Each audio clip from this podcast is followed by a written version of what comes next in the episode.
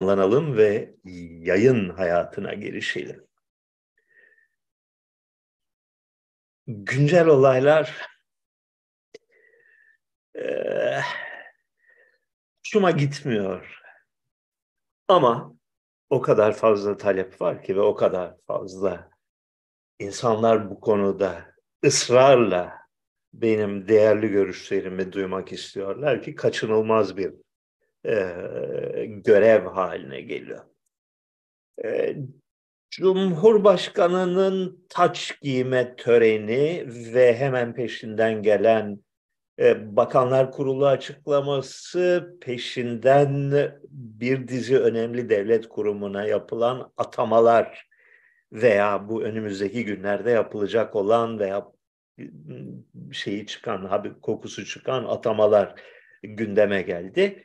E, doğrusunu isterseniz bana e, çok e, çok demeyelim de olumlu bir e, bir gelişmeler dizisi olarak geldi. Yani Süleyman Soylu'nun e, devreden çıkarılması, e, eski hükümetteki bir dizi gangster kılıklı adamın devre dışı bırakılması e, bunlar olumlu şeyler. E, yeni hükümette ideolojik saplantılarıyla öne çıkan kişilerin pek azaldığı görülüyor.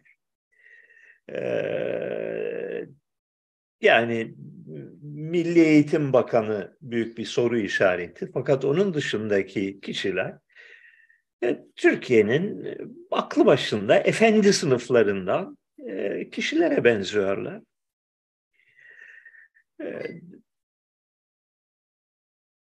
Şeye katılan, taç giyme törenine katılan yabancı devlet başkanlarının sayısı ve niteliği doğrusunu isterseniz Türkiye'nin doğru yolda olduğunu gösteren bir işaret. Bir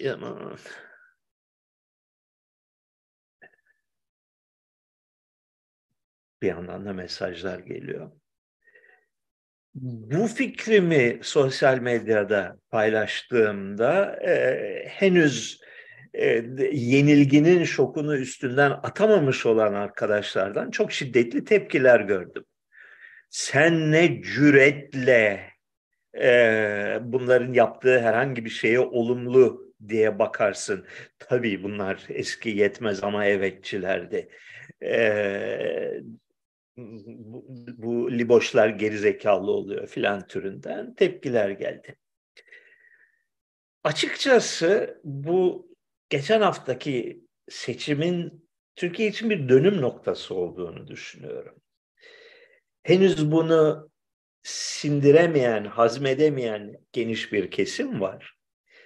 E, fakat bir hezimetti yaşanan hadise. Total, mutlak bir hezimet yaşandı. Bununla yüzleşmek gerekiyor. Bugüne kadar ki siyaset üslubunun ve tarzının ve yönteminin işlemediği ve bundan sonra da işlemeyeceği ortaya çıktı. Bununla birlikte fikirlerde ve yöntemlerde bir takım değişiklikler olması gerekiyor.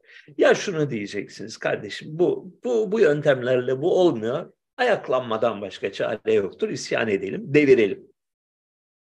Bunun için ne gerekiyor? Örgütlenmek gerekiyor, gizli örgüt gerekiyor filan falan. Tamam bunu, bunu deseniz mantıklı bir tepkidir. Doğru olmayabilir, doğru değildir de yani bir, bir akli bir tutarlılığı var. İyi de bu derece açıkça bir ihanet şebekesi haline gelmiş bir muhalefetten söz ediyoruz. İhanet derken devlete ihanetten söz etmiyorum. Muhalefete ihanetten söz ediyorum. Ee, beceriksizliğiyle beceriksizliği gerçekten hainlik e, seviyesine gelmiş. Topluma bir şey sunamayan bir e, muhalefet var. Bunda ne kadar ısrar edeceğiz? İkincisi bundan sonra bir daha yakın gelecekte Türkiye'de ciddi bir demokratik seçim olacağına inanıyor musunuz? Ve eğer inanmıyorsanız ki ben inanmıyorum. Var olan koşullar çerçevesinde yapılacak olan nedir? Ne yapılması gerekir? Hangi yöne gidilmesi gerekir? Hangi adımların atılması gerekir? Bu soruları sormak lazım. Valla şu anda benim gördüğüm olabileceklerin iyisi olan bir durumla karşı karşıyayız. Şu gerçeği de unutmayın. Dünyada büyük bir devir değişikliği yaşanıyor. Dünyanın eski sahiplerinin pabucu dama atılıyor ve dört bir yandan yani Doğu Avrupa'da, Afrika'da, Doğu Asya'da ve Güney Amerika'da yeni o bir oluşum, yeni bir ekonomik sistem, yeni askeri ittifaklar oluşuyor. Bu süreçte yeni düzenin e, kurulmasına ön ayak olan fikir önderleri, kişiler, devlet başkanları ve devletler arasında Tayyip Erdoğan'ın seçilmesi büyük bir sevince yol açtı. Bilmiyorum bunun farkında mısınız? Yani e, Venezuela'dan tutun, yani aşırı sol bir rejimden söz ediyoruz Venezuela'da. E, yani Ermenistan'ına kadar, Macaristan'ına kadar dünyada Amerikan emperyalizminin gemlenmesi ve frenlenmesi konusunda bir çaba içinde olanlar Tayyip Erdoğan'ı e, tebrik etmek için sıraya girdiler. Haklı olduklarını göstermez bu. Tayyip Erdoğan'ın çok iyi bir adam olduğunu da göstermez. Fakat Türkiye'de kendine muhalefetim diyen kesimlerin en azından durup bir kendilerini sorgulaması gerektiğini gösterir. Yani ne oluyor? Anlamadığınız bir şeyler oluyor. Niye anlamıyorsun? Okey. Ee, çok iyimser falan değilim Türkiye'nin gidişatından. Sadece atılan adımın doğru bir adım olduğunu düşünüyorum. Birincisi Hakan Fidan'ın Dışişleri Bakanlığı'na getirilmesi doğru bir adımdır. Yani Sonuç olarak devlet yönetmek pis bir iştir. Hele Türkiye gibi e, istikrarsız zeminde büyük işler yapmaya baş, teşebbüs eden bir devletin istihbarat örgütünü yöneten bir insanın ellerinin temiz olması mümkün değildir.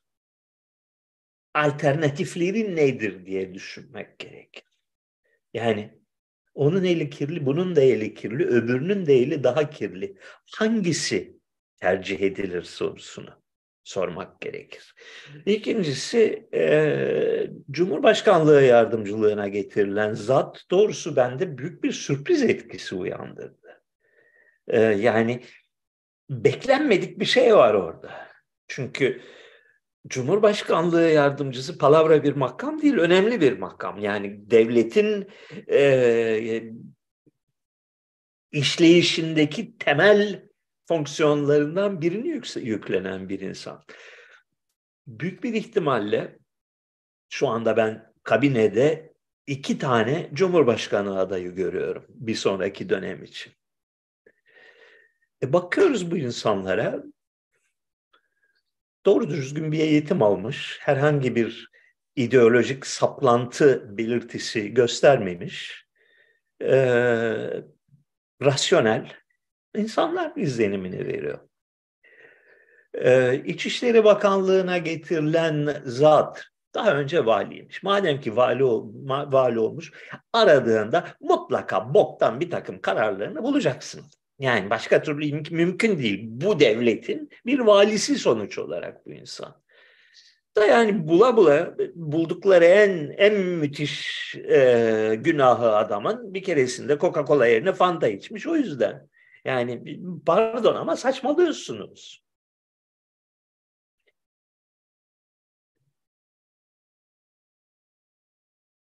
neydi? Nasıl bir mesaj diyor bir arkadaş. Yeni kabine açıklandı. Nasıl bir mesaj veriyor sizce?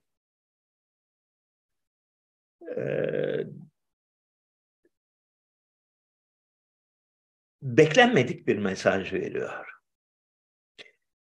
Seçim döneminde gerek Cumhurbaşkanı'nın gerek koalisyon ortağının mangalda kül bırakmayan nefret ve tehdit söyleminin peşinden o nefret ve tehdit söylemiyle uyumlu olmayan bir dizi radikal karar alındı.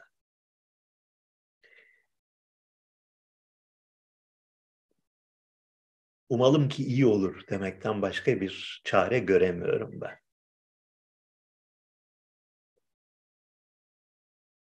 Sanki şunu söylediler. Ee, bir yedi yıllık bir kavga yediden daha uzun aslına bakarsanız on yıllık bir e, mücadele döneminden geçti. Büyük bir sert ve kanlı bir iç mücadele döneminden geçti Türkiye. E, bu son seçim muhalefetin tasfiyesi seçimiydi. Muhalefetin e, hem Cumhuriyet Halk Partisi hem İzmir muhalefetinin hem Kürt muhalefetinin e, knockout olduğu bir seçimdi. Bu noktada daha toparlayıcı, daha rasyonel, daha az kavgacı politikaların zamanı gelmiştir. Bir tür e, politika üstü bir bürokratik yönetim dönemi e, zamanı gelmiştir gibi bir mesaj aldım ben hükümetten. Umalım ki iyi olsun.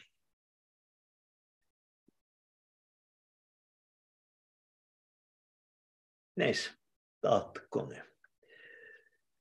Paşinyan'ın ziyaretini nasıl e, yorumluyorsun? E, olumlu görüyorum. Çok cesur bir karar e, Nikol Paşinyan açısından. Yani e, Ermenistan muhalefetini eğer e, biraz olsun biliyorsanız yani e, acayip cesur yani aslanların şeyine girdi, e, kafesine girdi. E, ve şey yapmadı, hmm, görünür bir profil çizdi. E, daha önce bir araya gelmemiş olduğu insanlarla bir araya geldiğini gösterdi e, ziyareti esnasında. Bunun arkasında ne var bilmiyorum. Fakat bunun arkasında tahmin ediyorum ki e, son aylarda Moskova'da yapılan görüşmelerin e, ulaştığı bir takım sonuçlar var. Biraz daha geniş perspektiften alalım. Dünya dengeleri çok büyük bir hızla değişiyor. Çok büyük bir hızla değişiyor. Yani ardarda 2-3 günde bir tarih kitaplarına geçecek nitelikte adımlar e, atılıyor. E, bunların en önemlisi yani geçen haftaydı Suriye'nin Arap Birliği'ne tekrar kabul edilmesi e, tarihi bir adımdır. Fakat daha önemlisi şuydu. E, Basra Körfezi'nde yani İran Körfezi'nde deniz güvenliği düne kadar, bu yıla kadar Amerika Birleşik Devletleri'nin donanması tarafından sağlanmaktaydı. Yani o denizdeki hakimiyet Amerikan filosunun e, elindeydi ve unutmayın ki şöyle bir durum var. Doğu Asya'nın enerji ihtiyacının tamamı neredeyse e, Basra Körfezi'nden gemi yoluyla gidiyor. Yani Çin'in boğazı üzerine, Çin'in can damarı üzerinde e, Amerikan filosu oturmaktaydı. Birleşik Arap Emirlikleri ve Suudi Arabistan Amerika ile Amerikan donanmasıyla ittifaklarından ve işbirliklerinden çekildiklerini açıkladılar bundan birkaç ay önce ve e, geçtiğimiz hafta içinde Çin'in sponsorluğu altında Suudi Arabistan, İran ve e, diğer körfez ülkeleri, Birleşik Arap Emirlikleri ortak bir deniz gücü oluşturmaya karar verdiler. Bu tarihi bir dönüşümdür. Yani Birinci Dünya, İkinci Dünya Savaşı'nın hemen e, arifesinde Molotov-Ribbentrop antlaşması olmuştu. Ona benzer bir olay bu, büyük bir olay. E, bu bir yandan bu olurken BRICS toplantısı yapıldı ve BRICS toplantısında yeni bir ara birimi oluşturmak kararı alındı. Ee, bundan birkaç ay önce merkezi Çin'de olan bir yeni bir kalkınma bankası, IMF'in eşdeğeri, IMF'in ve Dünya Bankası'nın eşdeğeri bir banka kuruldu. Ve bunun bir adım sonrası olarak yeni bir ödeme biriminin oluşturulması kararı alındı. Bunlar hayati olaylar. Ve öyle anlaşılıyor ki 50'ye yakın ülke BRICS grubuna katılmak için başvurmuş durumda şu anda. Bu koşullarda Türkiye'nin bu hareketin içinde yerini alabilmesi için Türkiye'nin bu yeni kurulan dünyada hakkı olan yere kavuşabilmesi için çok önemli bir adım var atılması gereken. Çok zor bir adım var. O da Türkiye'nin askeri kuvvetlerini Suriye'den çekmesidir. Bunu yapması gerekiyor Türkiye'nin. Bu öyle göründüğü kadar kolay bir şey değil. Yani kapsamlı bir antlaşmanın bir parçası olmak zorunda. Ee, Rojava'yı ilgilendiren boyutu var. Ee, karşılıklı tazminatlar, nüfus değişimi, e, göç, bütün bunları kapsayan ve aynı zamanda Türkiye ile İran arasında bir antlaşma niteliğini taşıyan bir adım atılması gerekiyor. Anlaşılan bu adım konusunda belli bir noktaya varıldı e, Moskova'da yapılan toplantılar sonucunda ve kapsamlı, çok boyutlu bir e, bölgesel yeni yapılanmanın adımları atıldı. Bunun sonuçlarını önümüzdeki haftalar içinde göreceğimizi düşünüyorum.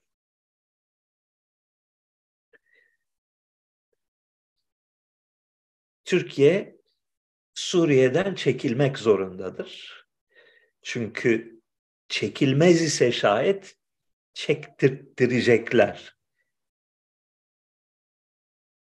Ee, tek başına Türkiye İran'a, Suudi Arabistan'a, bütün Orta Doğu'ya ve Rusya'ya meydan okuyamaz. Hele hele Batı ile ilişkileri de çok sallantılı bir pozisyondayken bunu yapamaz Türkiye. Çekilirken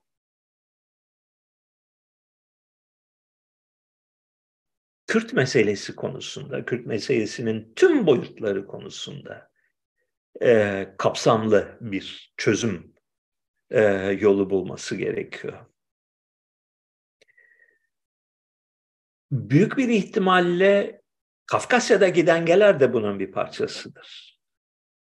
Yani e, Azerbaycan ve Ermenistan meselesi de bu kapsamlı barışın İran'la yapılacak bir antlaşmanın bir parçasıdır.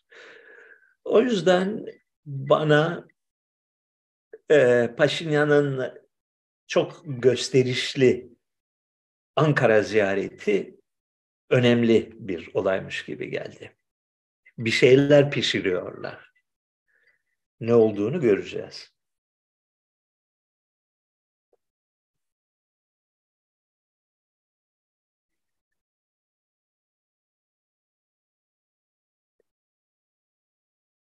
2016 öncesinin daha kapsayıcı günlerine dönüyoruz diyebilir miyiz diye sormuş bir arkadaş. Doğrusunu isterseniz ben e, bu seçimlerde e, seçimlerin sonucunda ortalığın kızışacağını düşünmüştüm.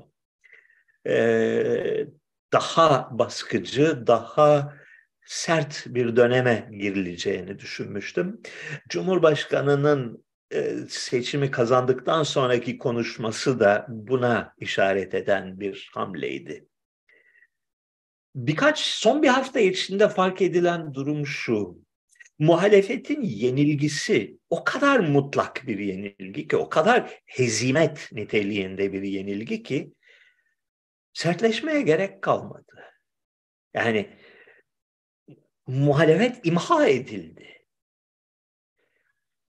Sayın Kılıçdaroğlu büyük bir başarıyla bu misyonu gerçekleştirdi ve yalnız Cumhuriyet Halk Partisi değil, maalesef HDP de e, ağır bir hasar almış görünüyor.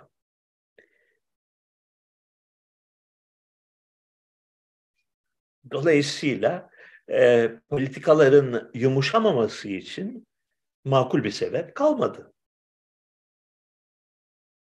Belki de fazla iyimseriz, bilmiyorum. Bilemiyoruz. Bilmiyorum. Erdoğan iktidarı boyunca hep önündeki yazıyı okuyarak veya o doğrultuda cümleler kurarak konuştu. Sizce onun prompter metinlerini kimler yazıyor? Bu metinlerde kendisinin payı var mı? Varsa ne oranda? diye sormuş bir arkadaş. Doğrusu bilmiyorum. Bilgim yok.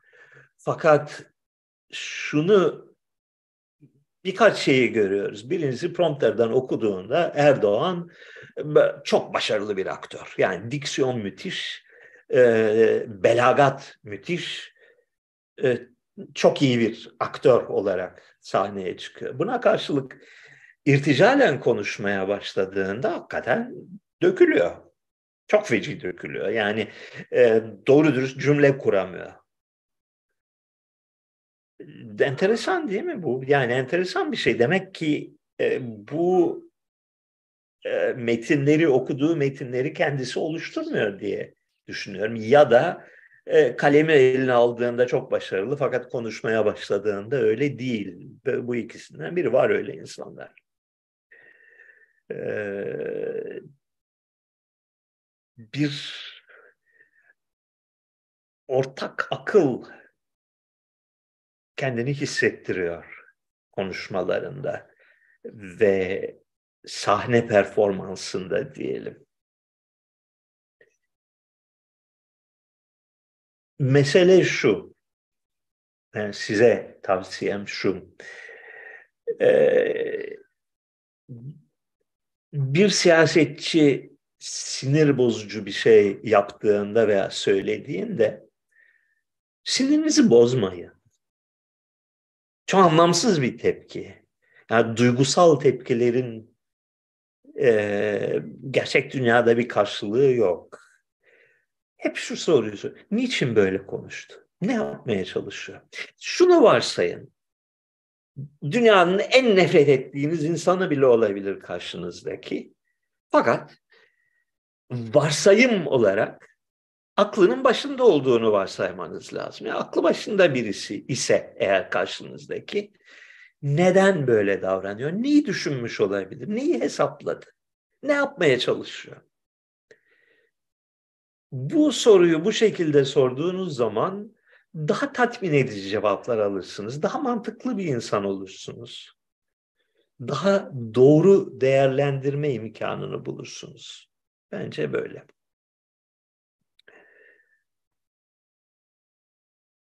Bir başka eleştiri ısrarla da ilk dakikadan şak diye şey e, devreye girdi. Kabinesinde bir tane dışında kadın yok. Bir tane bayağı sağlam bir kadın var. Onun dışında kabinesinde kadın yok.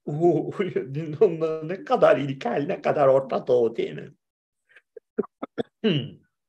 Gerçi Merkez Bankası'nın başına da bir kadın atayacakmış Türkiye tarihinde ilk kez. Onu şimdilik es geçiyoruz. Da şu soruyu soralım kendimize. Son 20 senedir dünyanın her ülkesinde e, kadın kabine üyeleri, kadın e, devlet başkanları çok moda oldu. Bir çağdaşlığın, demokrasinin, ilerlemenin, modernliğin şartı olarak lanse edildi. De bir şöyle bir bakın. Bu makamlara gelen kadınlar kimler? Ve nasıl bir performansla karşılaşıyoruz? Hillary Clinton geliyor aklımıza. Nancy Pelosi geliyor aklımıza. Muhtemelen çağdaş tarihin en kötü, her şeyiyle kötü, insan olarak kötü ve yoz politikacıları bunlar. Yani benzerine kolay rastlanmayacak ölçüde e, kötülükle iç içe geçmiş. Kişisel menfaat için e, çocuklarını satmaktan şey yapmaya, geri durmayacak insanlardan söz ediyoruz. Onun yanı sıra e, Almanya'nın Dışişleri Bakanı Anna-Lena, Finlandiya Başbakanı, Estonya Başbakanı, e, Moldova Başbakanı, e, Yeni Zelanda'da defedilen kadın gibi örneklere bakın. Ee, Kanada Dışişleri Bakanı gibi. Bu kalibrede insanların hükümette bulunması veya siyasette bulunması iyi bir şey midir? Bunu bir düşünün. Çünkü gerçekten bunlar kadar öyle bir ahmaklık seviyesi ki öyle bir beceriksizlik ve vurdum duymazlık düzeyi ki e, gerçekten bir limitin ötesinde hainlikle eş, eş anlamlı hale geliyor bunlarınki.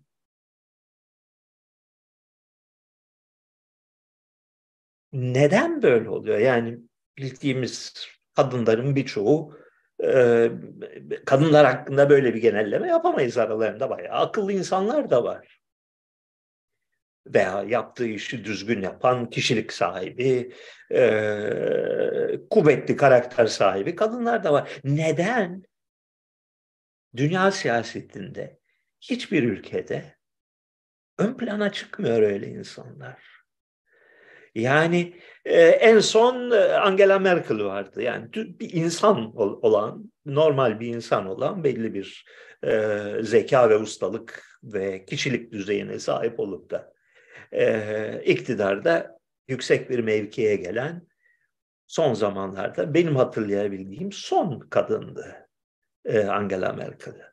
O günden bu yana bütün dünya ülkelerinde, hepsinde kadın politikacı diye ortaya atılan insanlar e, adeta şeyden çıkma, bir e, tezgahtan çıkma, bir seri imalat halinde çıkarılmış e, birer siyasi trajediden ibaret. Bunu göz önüne alın. Tuhaf bir gidiş var dünyada politikada. Yani bir yandan Biden gibi tipler öne sürülüyor. Yani özetle Biden'la bize şu mesajı veriyorlar. Bu adam yaşayan bir ölü. Ee, akli kapasitesi sıfır.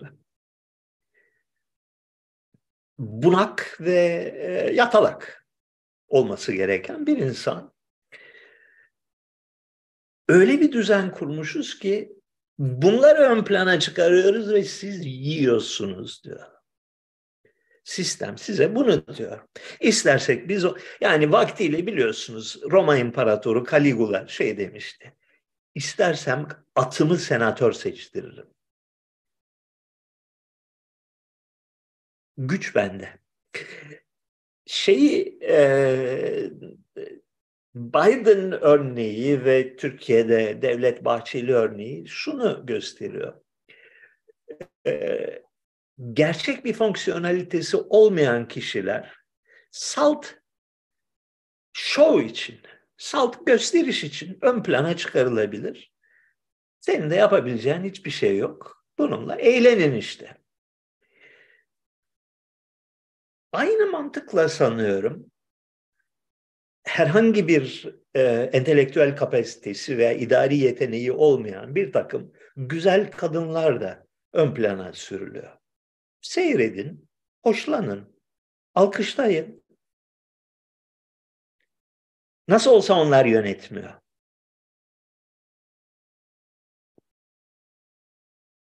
Anlatabiliyor muyum? Yani siyasetin zirvesine bunak bir ihtiyarın konmasıyla güzel ve boş bir kadının konması arasında e, nitelik olarak bir farkı yok. Aynı şey.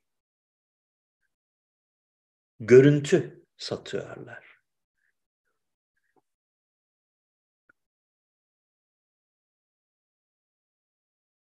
deneme kurmaca gibi düz yazı türlerinin günümüzdeki ve gelecekteki toplumsal konumunu nasıl değerlendiriyorsunuz diye sormuş bir arkadaş. Şiir diye bir şey neredeyse kalmadı gibi. Kitap mı, blog mu yazmalı? Topluma yön verme açısından düz yazı türlerinin geleceğini nasıl öngörüyorsunuz? Yayında değinirseniz sevinirim demiş bir arkadaş. iki ayrı şeyden söz ediyoruz burada. Bir şiirin ölmesi, öldü çünkü ee, ve bu Türkiye biraz geriden geldi de e, dünyada şiir 20. yüzyıl başlarında öldü. Ee, Türkiye'de de de ki 1950'lerde 60'larda öldü. Biraz yani bir kuşak gecikerek e, gerçekleşti. Bu ayrı bir olay. E, kitap, kitabın ölümü ise e, kaçınılmaz görünüyor. Bugün bildiğimiz anlamda kitap matbaanın icadının bir fonksiyonudur, bir sonucudur. Matbaanın icadından önceki kitapların e, niteliği, şekli, şemali, değeri içeriği farklıdır. Farklı bir yazı, e, bir üretim çeşididir. E, matbaanın icadından önce kitap çok pahalı bir şeydi. Ve çoğaltılması son derece zahmetli, son derece pahalı, e, uzman profesyonel gerektiren bir işti. Dolayısıyla kitap yazdığı zaman insanların çoğu e, ebediyen kalacak. Yani e, tükenmeyecek. Bir e, kalıcı bir eser veya referans değeri taşıyacak işlerle uğraşıyorlar genellikle. Ee, bir tür peygamber sesiyle konuşan kitaplar yazıyorlardı. Ee, yüksek hakikatleri ifade eden bir kurumda bu üniversite olabilir, kilise veya e, medrese olabilir. Onlarca kuşak boyunca okunacak ve tefsir edilecek eserler yahut da bir kültürün yüksek e, edebi e, kapasitesinin birer kanıtı niteliğinde olan edebi eserler yaratıyorlardı. Matbaanın icadıyla birlikte kitap yazmak da yaymak da kolaylaştı ve bunun sonucunda kısa zamanda bir norm olarak oturdu kitap. Yani belli sayıda sayfası olan işte cildi olan e, yüzyıldan yüzyıla bazı kitap standartlarında değişiklikler oldu. Mesela 19. yüzyılda herkes 3 ciltli, 4 ciltli, 6 ciltli kitaplar yazıyor. 20. yüzyılda ikinci cilt meselesi ortadan kalktı. Tek cilt kitap standart haline geldi. E, belli bir iç bölünümü olan yani chapter bölüm bölüm bölünmüş olan e, belli bir anlatım standardına sahip olan ve genel varsayım olarak piyasaya çıktığında bir müddet satacak ondan sonra tükenecek olan bir ürün olan kitap matbaa çağının bir standardı haline geldi. Bugün bunun sürdürülmesi imkansız görünüyor. Yani e, klasik anlamda kitap e, hemen tükenmezse de önümüzdeki 30, 40, 50 sene içinde kitap yazmak bir antika işi haline gelecek. Yani bir e, eski kuşaklara özgü bir davranış biçimine gelecek. Onun yerini ne alacak? E, kestirmek güç. Yani yazı kültürü e, bir patlama halinde gelişiyor. Art, yani nicelikçe artıyor, nitelikçe düşüyor zannediyorum. Fakat harıl harıl tarihte hiç görülmemiş sayıda insan yazı yazıyor. Her gün oturup böyle klavye başında bir şeyler yazıyor. E, fikir yani ciddiye alınacak olan yazı tarzı iki janra, iki tarza indirgenmiş görünüyor. Biri blog ya da mikroblog yani Twitter'dır yeni çağın mecrası. Twitter e, tarzı. Kısa kapsüller halinde e, bir fikri alabildiğine sade bir şekilde madde madde açıklayan ve sorumluluk taşımayan yani e, yalan da konuşsan, saçmalasan da fazla fark etmeyecek bir tarz oluştu ve standartlaşmaya doğru gidiyor. İkinci yazı alanı bürokratik rapordur. Yani e, teknik bir konuda, e, idari bir konuda uzmanlar tarafından uzmanlar için yazılan, genellikle inanılmaz derecede sıkıcı olan ve sadece uzmanına hitap eden e, 5, 10, 20, 40 sayfalık makale şeklindeki raporlar. Bu iki janr önümüzdeki çağın e, standart yazı üretim alanları olacak gibi duruyor. Bir tweet, iki bürokratik rapor. Başka ne var piyasada bilmiyorum, kestiremiyorum. Ee, online tefrika şeklindeki romanlar bir ara bir böyle bir hareketlenir gibi oldu. Hala devam ediyor mu bu tarz? Zannetmiyorum doğrusunu. Okuyan Us diye bir yayın evi vardı. Hala var mı bilmiyorum ama e, cezaevinde bir ara bana bütün bu yayın evinin bütün yayınlarını getirdiler. Hepsini baştan sona okudum. Bir kısmı çöptü. Fakat bayağı hoş bir takım online romanlar. Yani ilk online yayınlanmış, ondan sonra kağıda basılmış e, genç insanlar tarafından yazılan bir roman dizisiydi. E, bayağı da hoş şeyler vardı ar- aralarında. Var mı onda bir gelecek? Zannetmiyorum.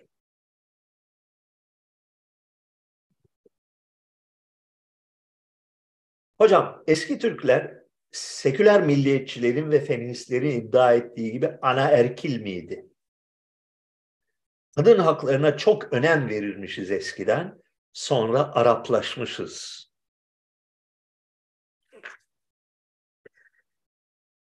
Anaerkil toplum arayışı 100 yıldır çok moda olan bir arama konusudur. Bugüne kadar bulan olmadı. Anaerkil toplum diye bir şey tarihin hiçbir aşamasında, hiçbir toplumda, hiçbir kabilede e, görülmüş bir şey değil.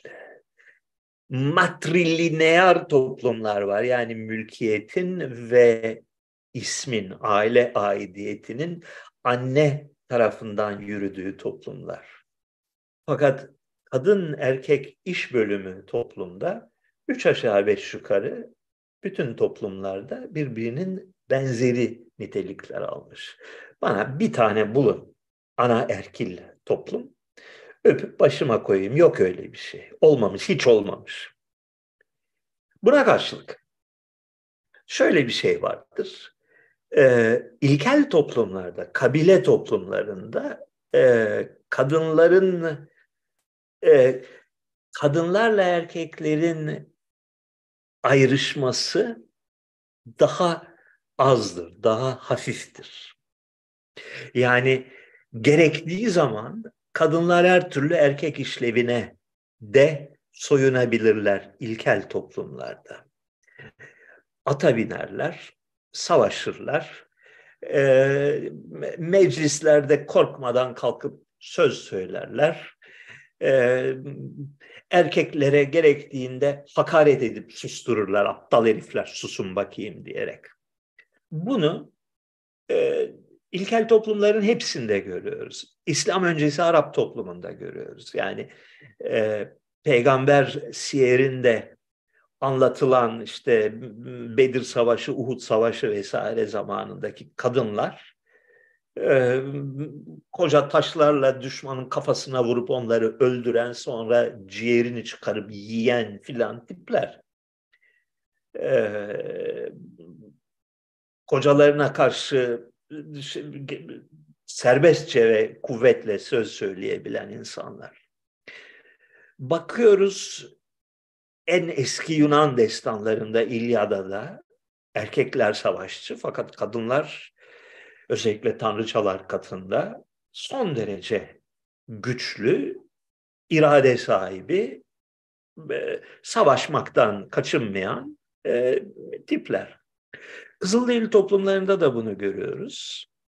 E, Türklerde de ilkel bir toplum oldukları dönemde, yani e, karmaşık sosyal yapılara sahip olmadıkları, şehir ve devlet örgütlenmesi konusunda henüz çok ilkel oldukları dönemde, henüz kabile toplumu oldukları dönemde, evet e, kadınların e, sonraki dönemlere oranla daha aktif olarak toplumda rol aldıklarını görüyoruz. Yani Dede Korkut masallarını okuyun yeter.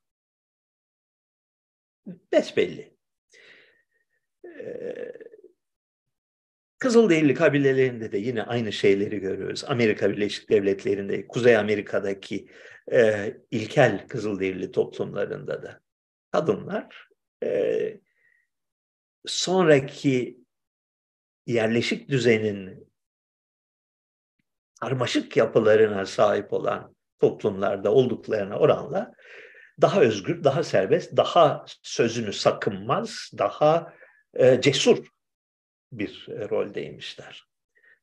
Sonra ne olmuş? Sonra medeniyet gelmiş. Medeniyet demek şu demektir. Daha katı, daha kapsamlı iş bölümü demektir.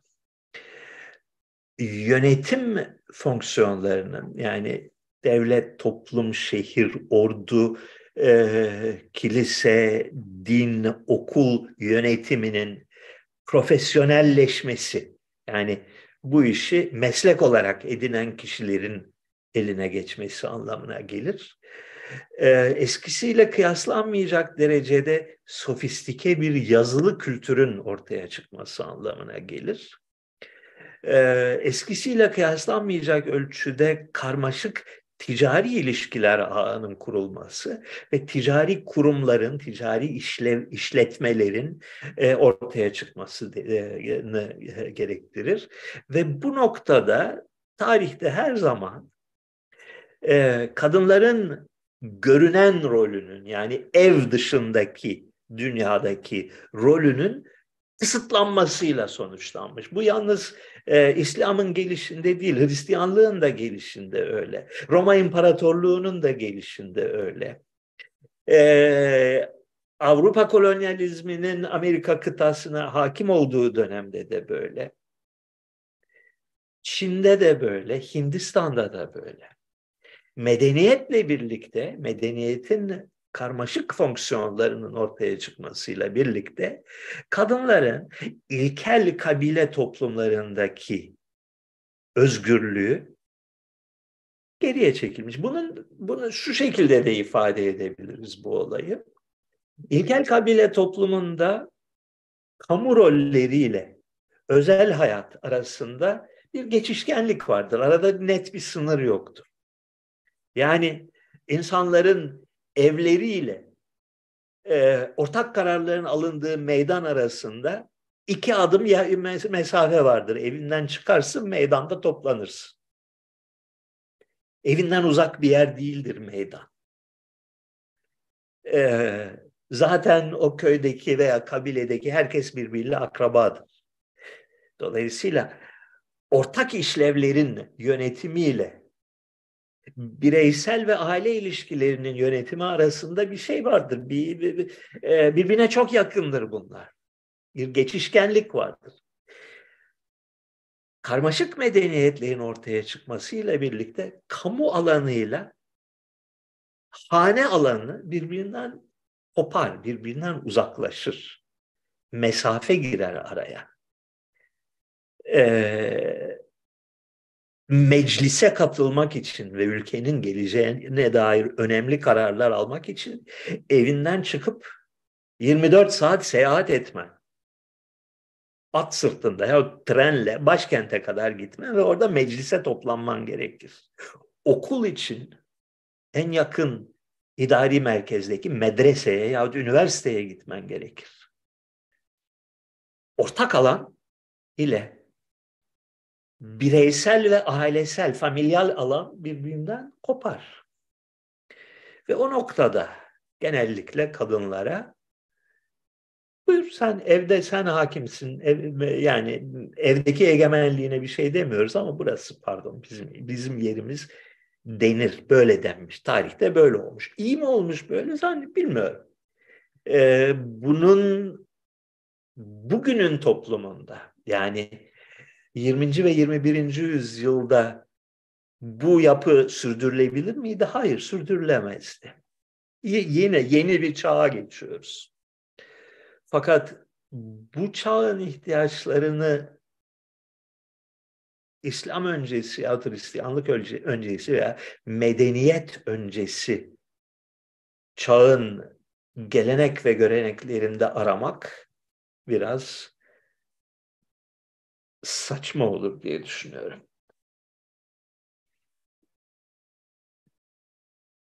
Bakalım. Hocam Menemen hadisesi ve Kubilal olayının aslı asları nedir? Bu soru yaklaşık yüzüncü defadır soruluyor bu programda. E, bence bu kadar ısrar etmeyin çünkü yani görüyorum bu soruları ve pas geçiyorsam bir bildiğim vardır. Ee, peki. Menemen hadisesi hakkında çok fazla bir şey bilmenize gerek yok. Ee, şu soruyu kendinize sorun. İnsanlar neden isyan eder? Hangi noktada isyan eder?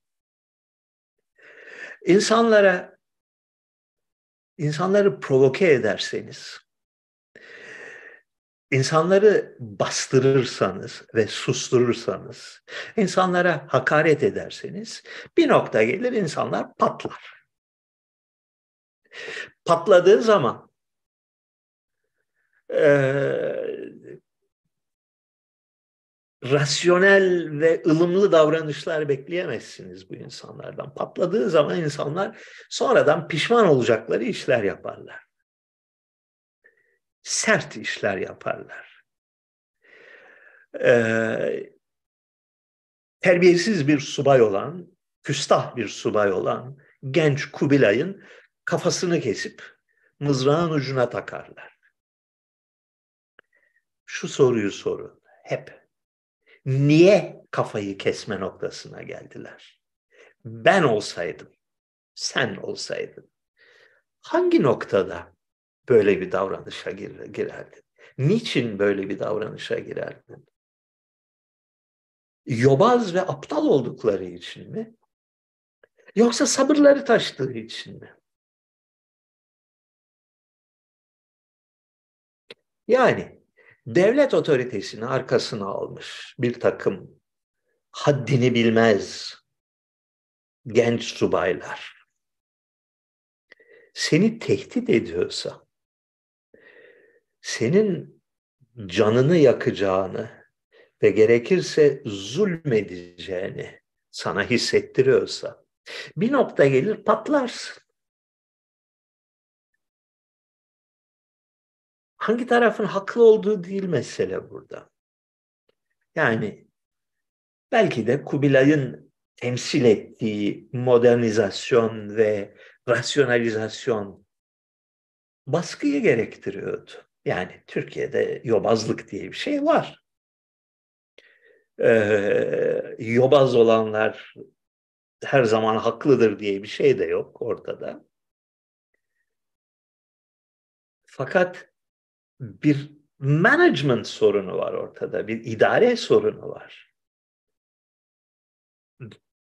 Canını yakarsan birilerinin e, sonuçlarına katlanman gerekir. Çünkü bir noktada köşeye sıkışan kedi tırmalar. E, Kubilay olayının aslı asları budur zannediyorum. Ha, e, ayaklanan tarikat ehli e, esrar mı çekmişti? E, nasıl bir gözü dönmüşlük içindeydiler? Bunlar tali konular. Marifet onların ayaklanmamasını sağlamaktır.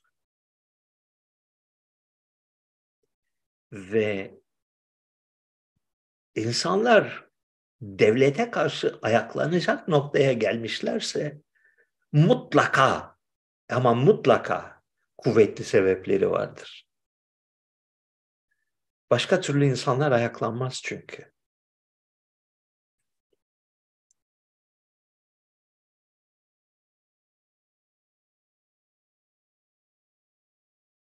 Yine yüzlerce defa sorulan, ısrarla sorulan bir soru.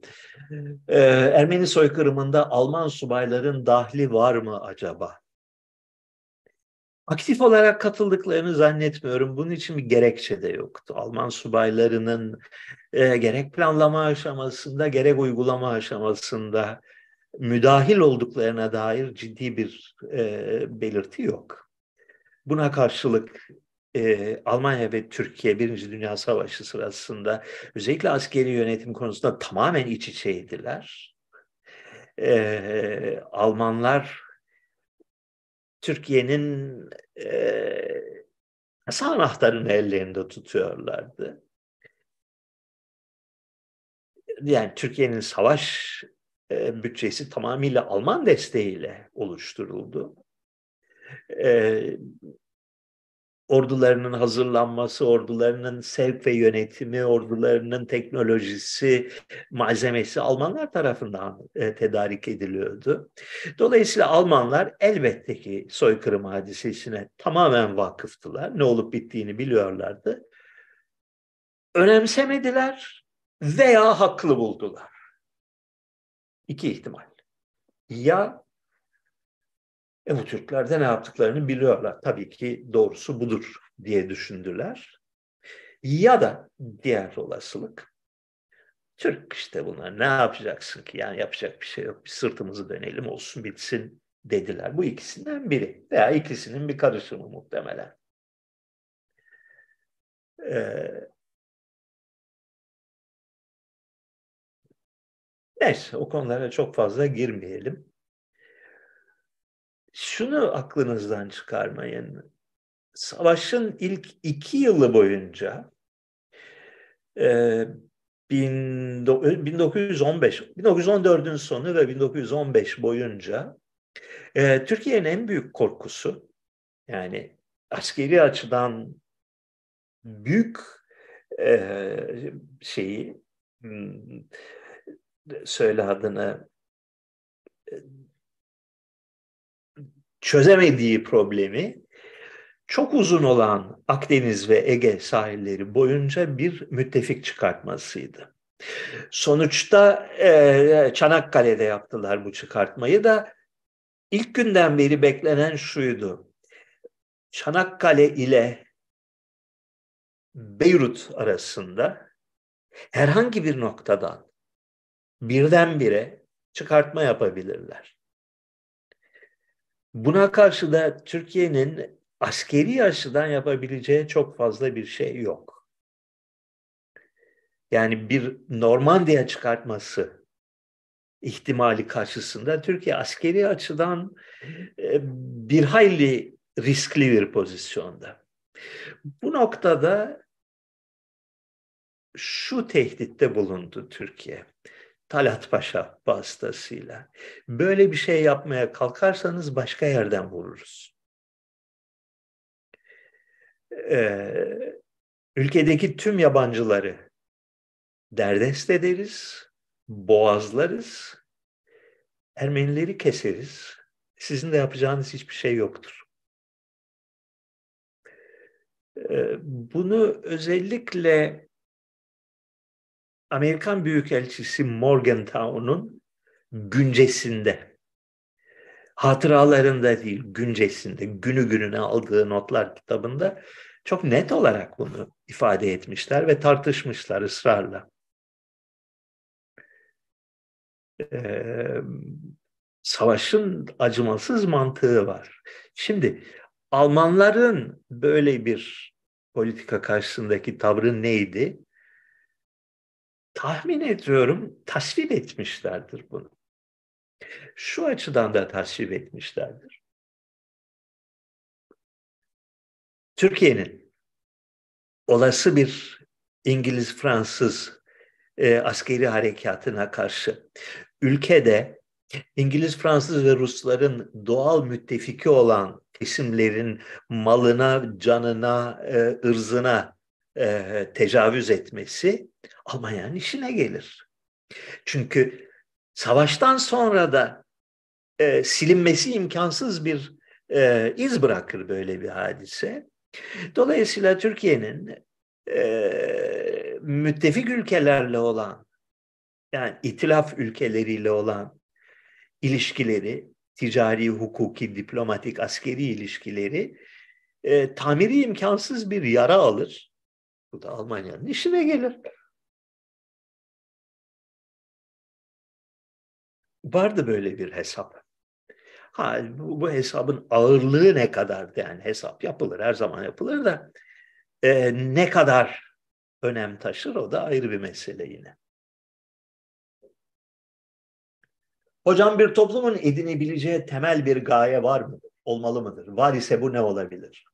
Benim aklıma daha kaliteli nesiller yetiştirmek dışında gaye gelmedi. Kesinlikle. Bir toplumun yegane varlık sebebi, yegane, tek varlık sebebi daha iyi nesiller yetiştirmektir.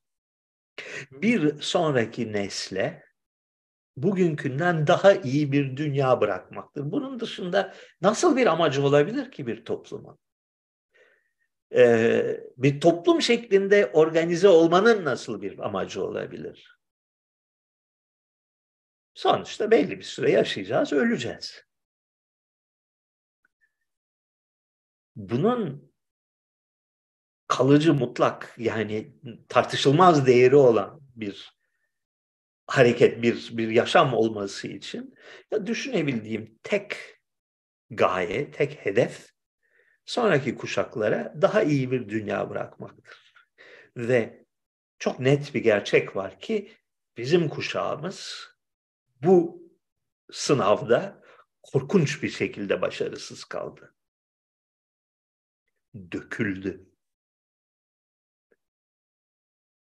Bizden sonrakilere daha iyi bir dünya bırakamadık bizim devraldığımız dünyadan daha kötü bir dünya bıraktık.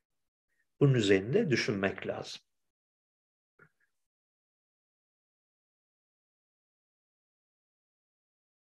Antisemitizm kavramı neden Yahudiler dışındaki Sami halkları kapsamaz?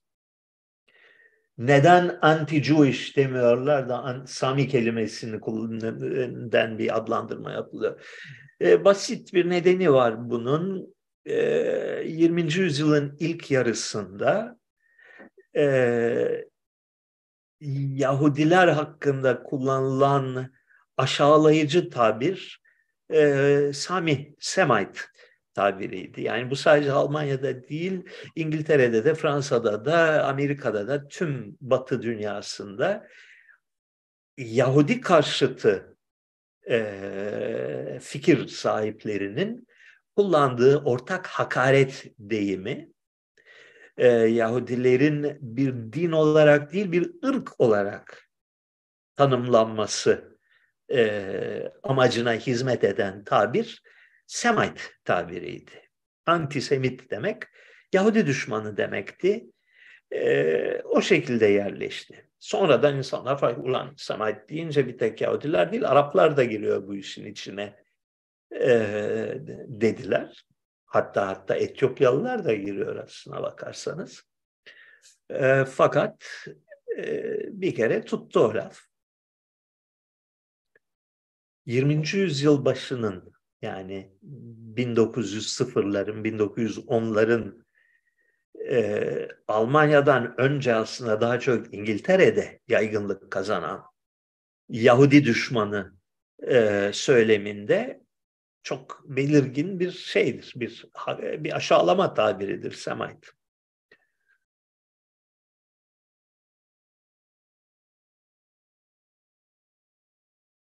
Of of of of of.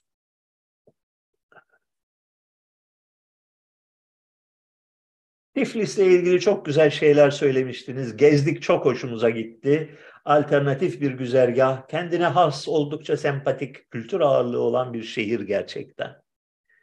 Yakında Karadağ'a gelmek, rakımızı, baklavamızı da alıp sizi ziyaret etmek istiyoruz. Filan falan. Ee, Karadağ e, Gürcistan gibi muazzam bir kültürel ilginçliği, zenginliği e, olan bir ülke değil. Çok çok mütevazi bir ülke karada. Fakat fiziksel olarak yani doğa olarak çok güzel. Yani çarpıcı güzellikleri olan bir ülke. Çok dağlık, çok yeşil. Ee, Akdeniz iklimiyle Yeşil Avrupa ikliminin iç, iç içe geçtiği çok e, görsel şölenler sunan bir ülke. Ya, kültür yok öyle bir şey burada ama olsun. İyi, güzel yani.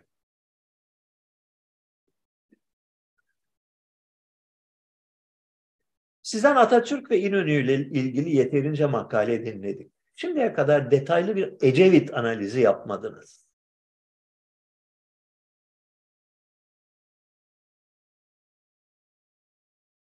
Çünkü ne diyeceğimi bilmiyorum ondan. Ee, Bülent Ecevit 1973 hatta 71 ile 77 arasında 70'ler boyunca bir kuşak için büyük bir umuttu Türkiye'de. Ee, çok güzel vaatleri olan siyaseti ahlaki bir temel üzerine yeniden inşa edeceğini vaat eden ve Türkiye'nin e, kokuşmuş ideolojik saplantılarla mağlul e, siyaset dünyasına bir güneş gibi parlayan bir adamdı. En temel özelliği, en çarpıcı özelliği artiküle bir insan. Çok güzel konuşan bir insandı. E, çok yani e, televizyonda ve radyoda Ecevit'i dinlemek şeydi böyle büyüleyici bir deneyimdi. İnsanı e, hipnotize eden bir şeydi. Çünkü çok güzel konuşuyordu. Türkçeyi çok iyi kullanan bir insandı. Söylediği şeyler yüksek ahlaki değeri olan şeylerdi. Sonra iktidara geldiğinde görüldü ki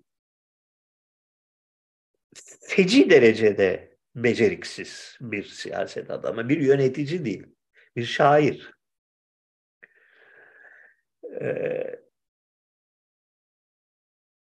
birinci kurduğu koalisyon bir absürt bir koalisyondu. Erbakan bunu parmağın ucunda oynattı ve sonra pat diye küstüm oynamıyorum seçime gidiyorum deyip koalisyonu bozdu ve rezil oldu.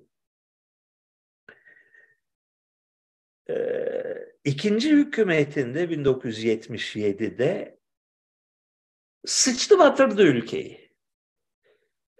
Yani tamamen çığırından çıktı. Bu ne kadarı kendi kabahatiydi, ne kadarı kendisini devirmek için iş, işbirliği yapan iç ve dış mihrakların e, çabasının ürünüydü. Bunu hiçbir zaman bilemeyeceğiz. Fakat sonuç olarak bir e, siyasi lider ülkeyi karıştıran başkaları da dahi olsa karıştırmalarını önlemekle mükelleftir. Bu konuda tam sınıfta kaldı. Yani berbat bir yöneticiydi. Dedi ki beni Cumhuriyet Halk Partisi'nin e, geleneksel yapıları e, şey yapıyor, e, elimi kolumu bağlıyor. O yüzden Cumhuriyet Halk Partisi'nden ayrılacağım ve kendi karizmam üzerine inşa edilmiş yeni bir siyasi hareket oluşturacağım.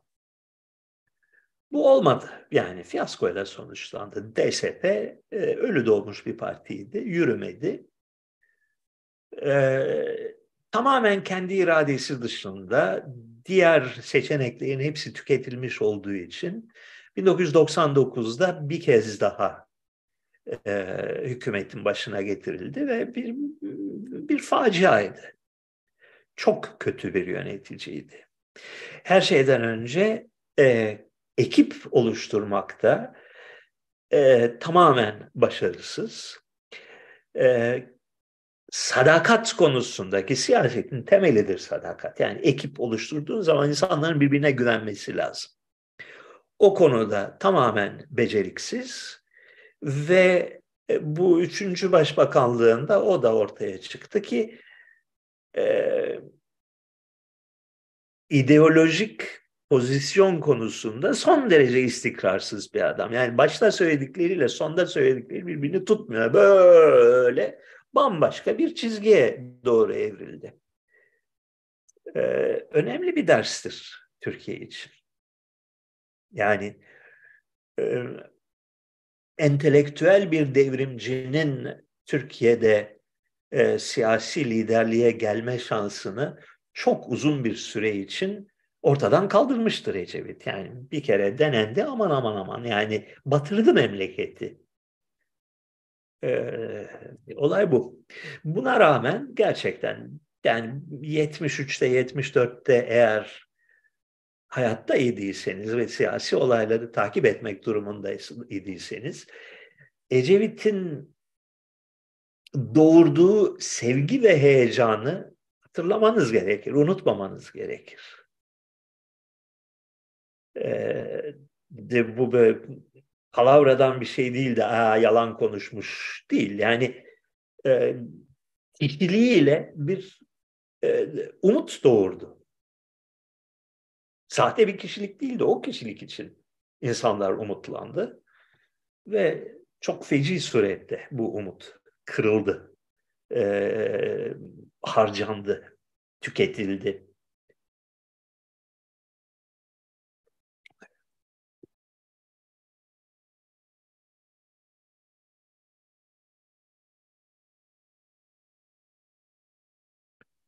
Ülkemizden yurt dışına kaçırılan veya izin alınarak götürülen tarihi eserlerin geri getirilmesi için verilen mücadeleler hakkında ne düşünüyorsunuz?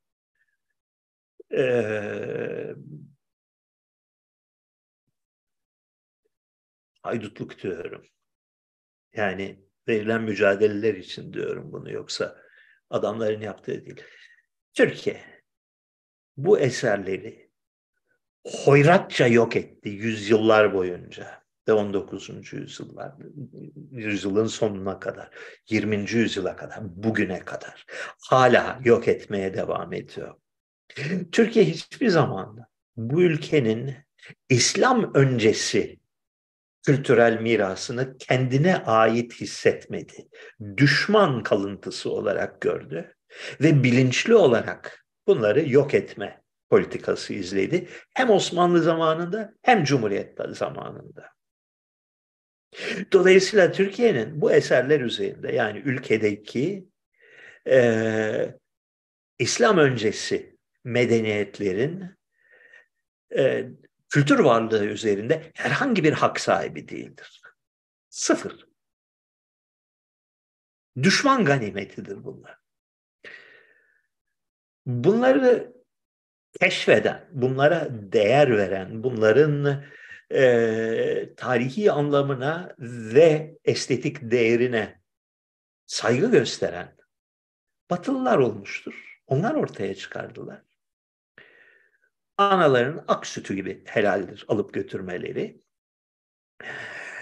Ee, Bergama Suna yerinde kalsaydı bugün yerinde yeller eserdi. Çoktan yok edilmişti. Bunu ortaya çıkaran, e, değerini anlayan ve tüm insanlığın ortak bir mirası olarak güvenli bir yerde bunları sergileyen Almanlardır. Bergama'da değil Berlin'de daha değerliydi bu eser.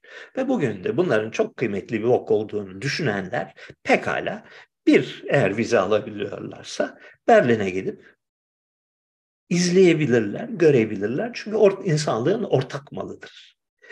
Türkiye insanlığın ortak malına sahip çıkmayı, değerlendirmeyi beceremediği için ne geçmişte ne de günümüzde bunlar üzerindeki her türlü hakkını kaybetmiştir diye düşünüyorum.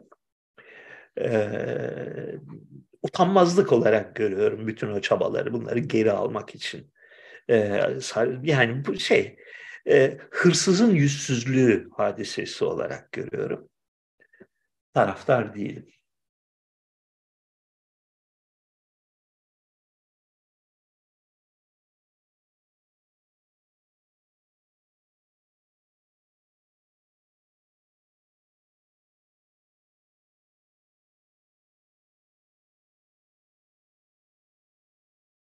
Sadakat ve liyakat kavramlarını birbirinden ayırmamak sanılanın aksine çoğu zaman yarar doğurabilir mi? Arif'in alime tercih edilmesinin altında nasıl bir bilgelik yatar? Vah! Ağır bir soru, doğru bir soru. Buna şimdi böyle esprili ve hızlı bir cevap bulmam lazım. Gelmiyor aklıma.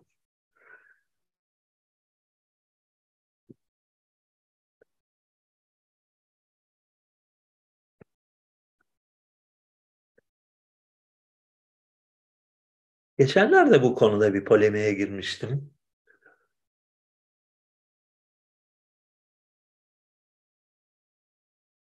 Neyse, geçelim.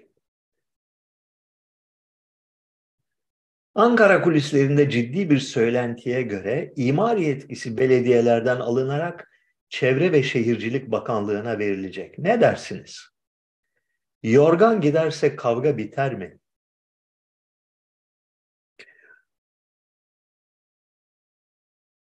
Aşağı tükürsen sakal, yukarı tükürsen bıyık. Yani e, belediyelerin imar yetkisine sahip olması e, çok feci sonuçlar doğurdu Türkiye çapında. E, şehirlerin mahvedilmesi, belediyelerin birer e, soygun odağına, birer ticari işletmeye dönüşmesi ve e, genel olarak Türkiye'deki şehirlerin yaşanmaz yerlere dönüşmesinde baş rolü oynadı. E, merkeze aktarılırsa daha mı iyi olur? Doğrusunu isterseniz bilemiyorum.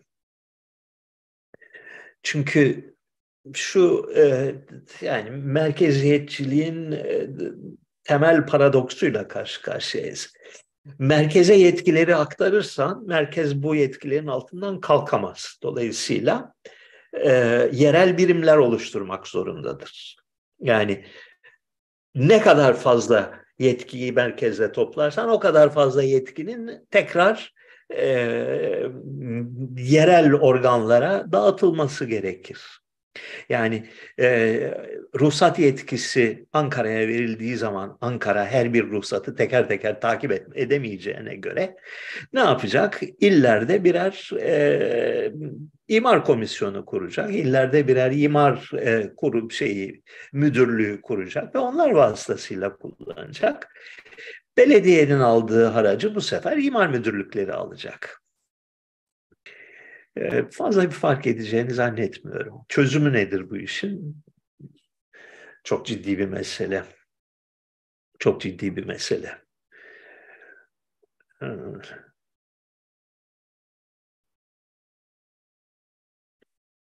Dün hayırla ismini andığınız yeni Dışişleri Bakanı katliamcı olarak bilinir ve bazı arkadaşlarımın akrabalarının kanı onun ellerinde. Açıkçası bu yorumunuz beni üzdü. Neden? Anlamadım demiş. Ee, besbelli e, Gülen hareketine sempati duyan birisi bunu yazan. Ee, evet yani ordu ve istihbarat teşkilatı ve polis yöneten insanların elinde genellikle kan olur. Başka türlü yönetilmiyor bu kurumlar. E, katliam demek biraz abartılı oluyor. Çünkü bir katliam yok. Yani öyle 100 kişi, 200 kişi katliam sayılmaz. Bu ülke standartlarına göre. Ee, doğal olarak bu katliamdan etkilenenler, e, akrabaları ve dostları e, katliama uğrayanlar e, duygusal bir yaklaşım gösterirler olaya. Haklarıdır. Alternatifi nedir diye düşünmek lazım. O olmasın da kim olsun? Mevlüt Çavuşoğlu mu devam etseydi?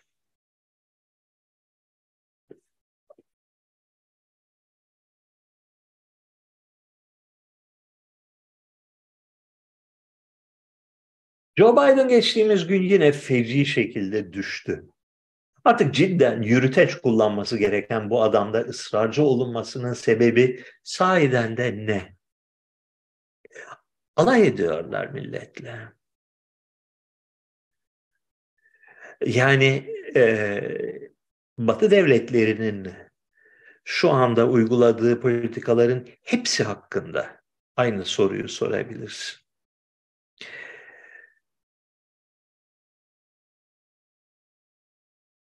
Covid politikasının sebebi neydi? Küresel ısınma konusunda bu kadar ısrarla ve bu kadar aptalca yalan konuşmalarının sebebi nedir? Hollanda'dan sonra şimdi İrlanda'da bilmem kaç yüz bin tane ineği küresel ısınma bahanesiyle itlaf etmeleri nasıl açıklanabilir?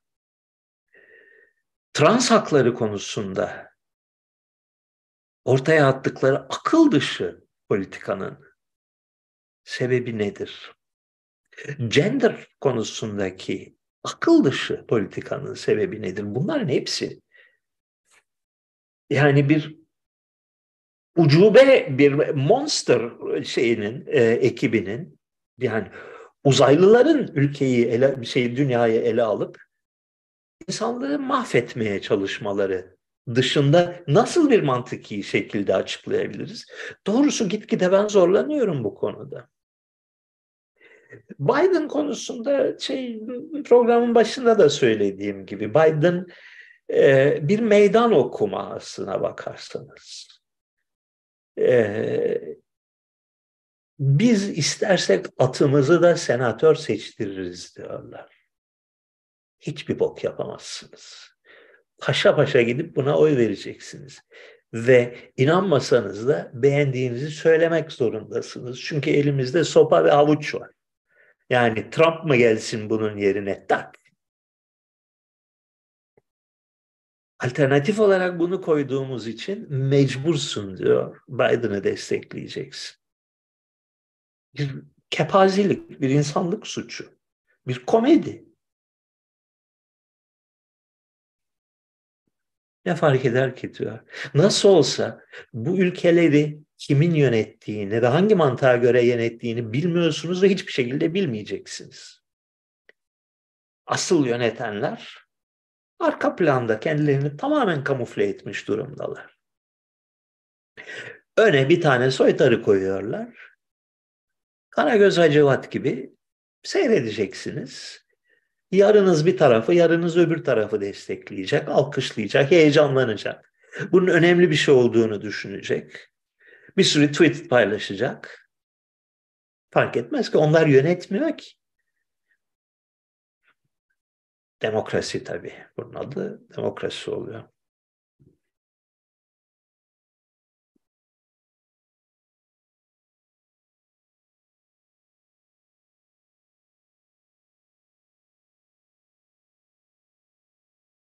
Mustafa Kemal denildiği gibi çok okuyan entelektüel bir kişi miydi? Ee, şu bir gerçek.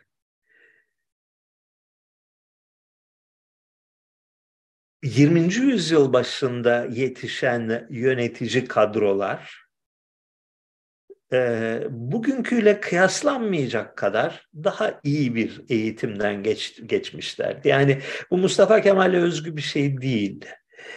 E, 1900 yılı civarında, 1910 yılı civarında okullardan mezun olan sayıca az, e, yönetici kadroların tamamı için geçerli bir şey.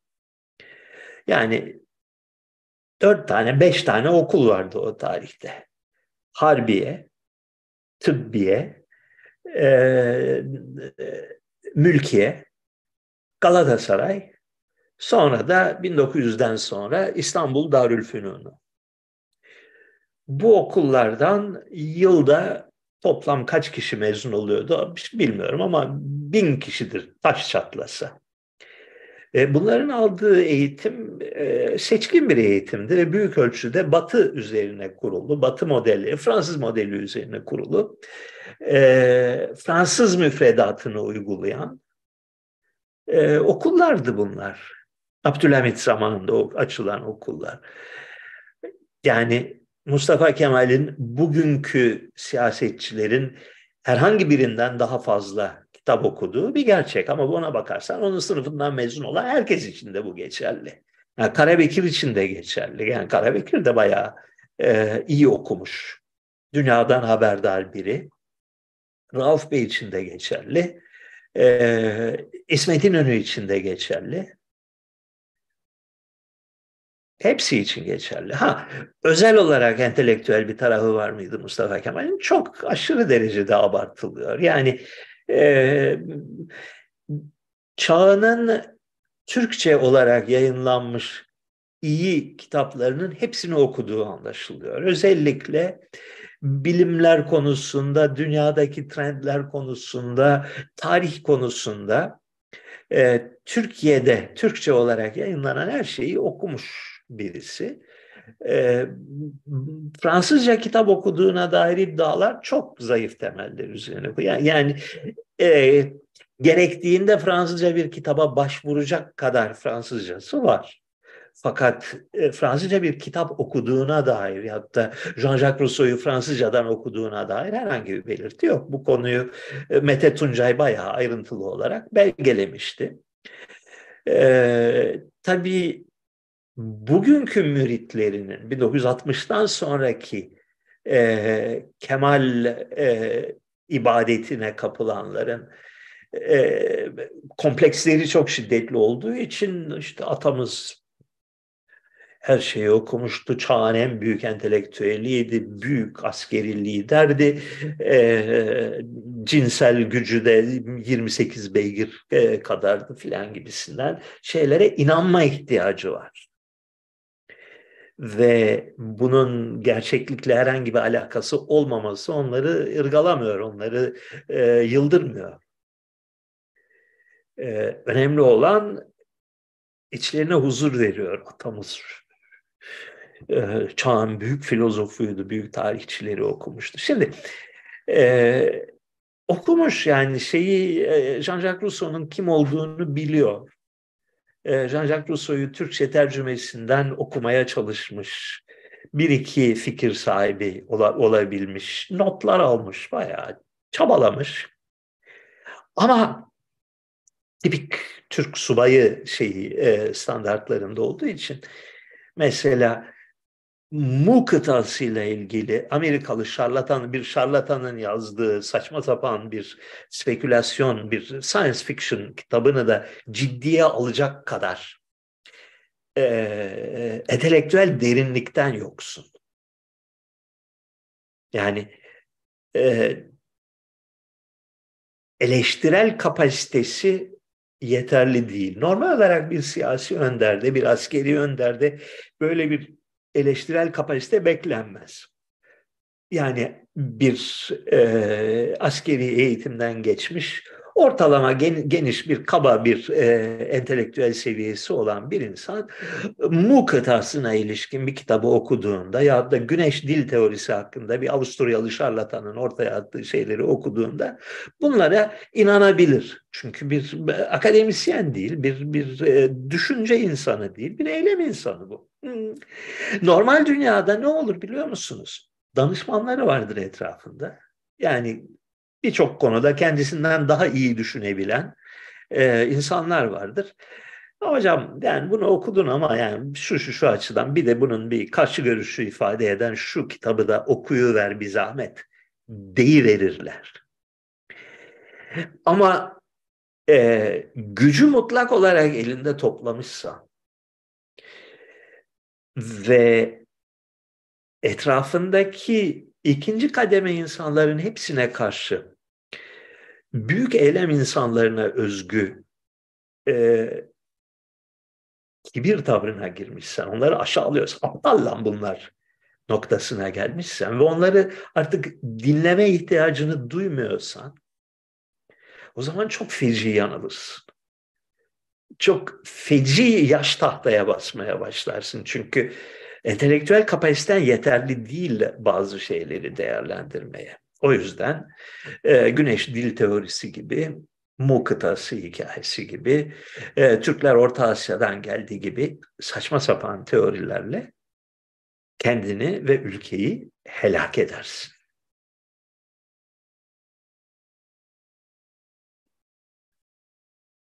Türkiye'nin Ermenistan valisi Paşinyan hakkında ne düşünüyorsunuz? Bir kere bu, bu tür ucuz polemik laflarından hoşlanmadığımı belirtmek zorundayım.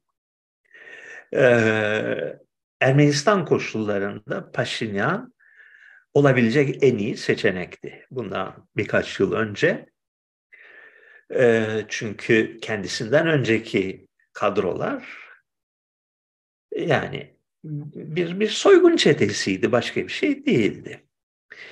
Ee, Paşinyan Sovyet ülkelerindeki yeni kuşak liderlerin pek çoğunun yaptığı hatayı yaptı ve batıya dayanabileceğini, batıdan destek göreceğini, batının desteğiyle ülkeyi kalkındırabileceğini düşündü. Ee, ve böyle canla başla batıya gitti gelin bizi kurtarın, yatırım yapın, e, biz size aitiz diyerek. Ee, Ukrayna'daki ya da Estonya'daki ya da Moldova'daki hatta Gürcistan'daki e, eşdeğerlerinden farklı olarak çok çabuk uyandı bunun çıkmaz yol olduğuna. Ee, batı'ya güvenilmeyeceğini e, erken zamanda fark etti ve zor bir durumda kaldı çünkü belli bir politikayla gelmişti. E, onun sürdürülemez olduğunu gördü. E, Ermenistan'ın tek bir şansı vardır. Tek bir çıkış yolu vardır. Rusya ile iyi ve sağlam ilişkiler kurmak ve aynı zamanda bir sandviç gibi iki taraftan Ermenistan'ı sıkıştıran iki Türk devletiyle makul ilişkiler, karşılıklı güvene dayalı ve karşılıklı çıkara dayalı ilişkiler kurmaya çalışmak. Bu iki temel ayak üzerine yürümek zorunda Ermenistan. Bir yandan Rusya'nın kayıtsız şartsız askeri desteği, diğer yandan Ermenistan ve Azer şey Türkiye ve Azerbaycan'la karşılıklı çıkara dayanan, karşılıklı e, tavizlere dayanan bir ilişki kurma. Bu ikisini birden yapabildiği takdirde Ermenistan'ın bir geleceği vardır, bir istikbali vardır. Aksi takdirde Ermenistan e, haritadan silinmesi işten bile değildir. E, tarihte Ermeniler birçok devlet kurmuşlardır. Ve hepsi de silinmiştir ve çok kötü bir şekilde silinmiştir. Yani ezilerek, mahvedilerek, hezimete uğrayarak silinmiştir. Defalarca yaşamışlardır bunu. E, bu son Ermenistan denemesinin de 1991'den bu yana aynı şekilde sonuçlanmaması için dediğim iki şart. Bir, Rusya ile sıkı ve sağlam ilişkiler. İki, e, Türkiye ve Azerbaycan'la makul ilişkiler tek çıkış yoludur. Adamcağız da bunu yapmaya çalışıyor. Öyle çok ahım şahım çok yetenekli büyük bir siyasi lider falan değil. Ee, Ermenistan'da yani gerçekten çok küçük bir yer. Ee, şöyle diyeyim, Yerevan'da bir, birkaç gün dolaşsanız, e, ülkedeki siyasi önderliğin bakanlık, bakanları, başbakanları filan falan hepsini e, tanıyorsunuz. Sokakta karşılaşıyorsunuz, resepsiyonda karşılaşıyorsunuz. O merhaba merhaba oluyorsunuz. Öyle bir yer. Yani öyle sonsuz bir insan e, şeyi yok, e, potansiyeli ve kaynağı. Sen ben bizim oğlan. Bu çerçevede olabileceklerin, mevcutların en iyisi olduğunu düşünüyorum. Ee, baştaki politikaları yanlıştı. Fakat şu anda orada değil artık Paşinyan. Yani gerçek dünyayla tanıştı. Ee, bence sonuna kadar desteklenmesi lazım. Yanlışlar da yapsa, eksik ve yetersiz de olsa daha iyisini öneremediğiniz sürece ki öneremiyorlar. Bence e, en iyi seçenek Paşinyan'dır.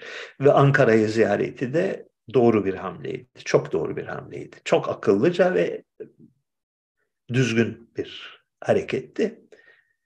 Tebrik etmek lazım. Tito hakkındaki düşünceleriniz nedir?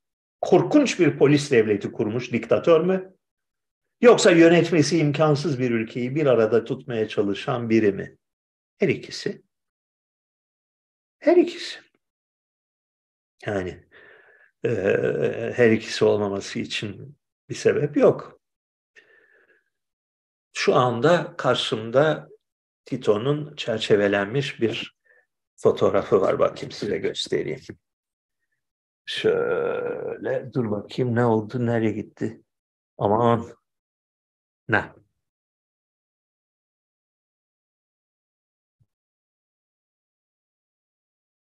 Ev sahibinin anısı. Ee, epeyce temizledik evi duvarlardaki şeyleri de kaldırdık da Tito şeyini portresini kaldırmaya e, gönlüm el vermedi. Ee, Yugoslavya büyük bir deneydi, güzel bir deneydi. Ee, sürdürülebilmesi gerekiyordu. Fakat e, ancak zorbalıkla ayakta tutulabildi. Tam o zorbalığın artık devri kapanmışken ve tam artık yeterince dayak yedik şimdi barış içinde bir arada yaşamanın yollarını bulmalıyız diyecekleri noktada Almanya ve Amerika Birleşik Devletleri ve Türkiye ve Suudi Arabistan müdahil oldular ve paramparça ettiler bu ülkeyi. Ee, bu güzel ülkeyi, Yugoslavya güzel bir ülkeydi. Ee, yani Batı ile Doğu'nun tam ortasında yer alan ve her iki tarafında olumlu özelliklerini bünyesinde barındıran medeni, e, mütevazi, sempatik bir ülkeydi. Mahvettiler, yok ettiler. E, Tito'nun da bunda suçu vardır tabii.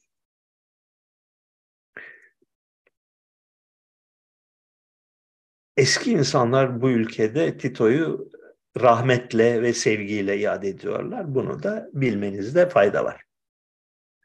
Sevgili arkadaşlar, ben de laf tükendi. Bu kadar olsun bugün. Bir buçuk saat. Ee, misafir sanatçı getirme e, şeyim, denememi vatandaşlar genellikle pek tasvip etmediler. E, aslında sürdürmem lazım onu da. Zor. Bir de sorumluluk altına giriyorsun insanlara karşı. O da istemiyorum, sıkılıyorum öyle şeylerden. O yüzden daha çok ben konuşacağım. Belki ara sıra birilerini çağırırım. Görüşmek üzere. Allah'a ısmarladık. Lütfen Patreon'u unutmayın. Patreon önemli. Bizim için başlıca gelir kaynağımız. İki tane el alemin ülkesinde yaşamını sürdürmeye çalışan yaşlı insanız biz.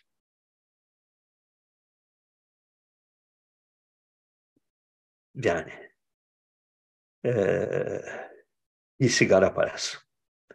Aylık bir sigara parasını e, vermeniz lazım. www.patreon.com bölü Nisanyan girip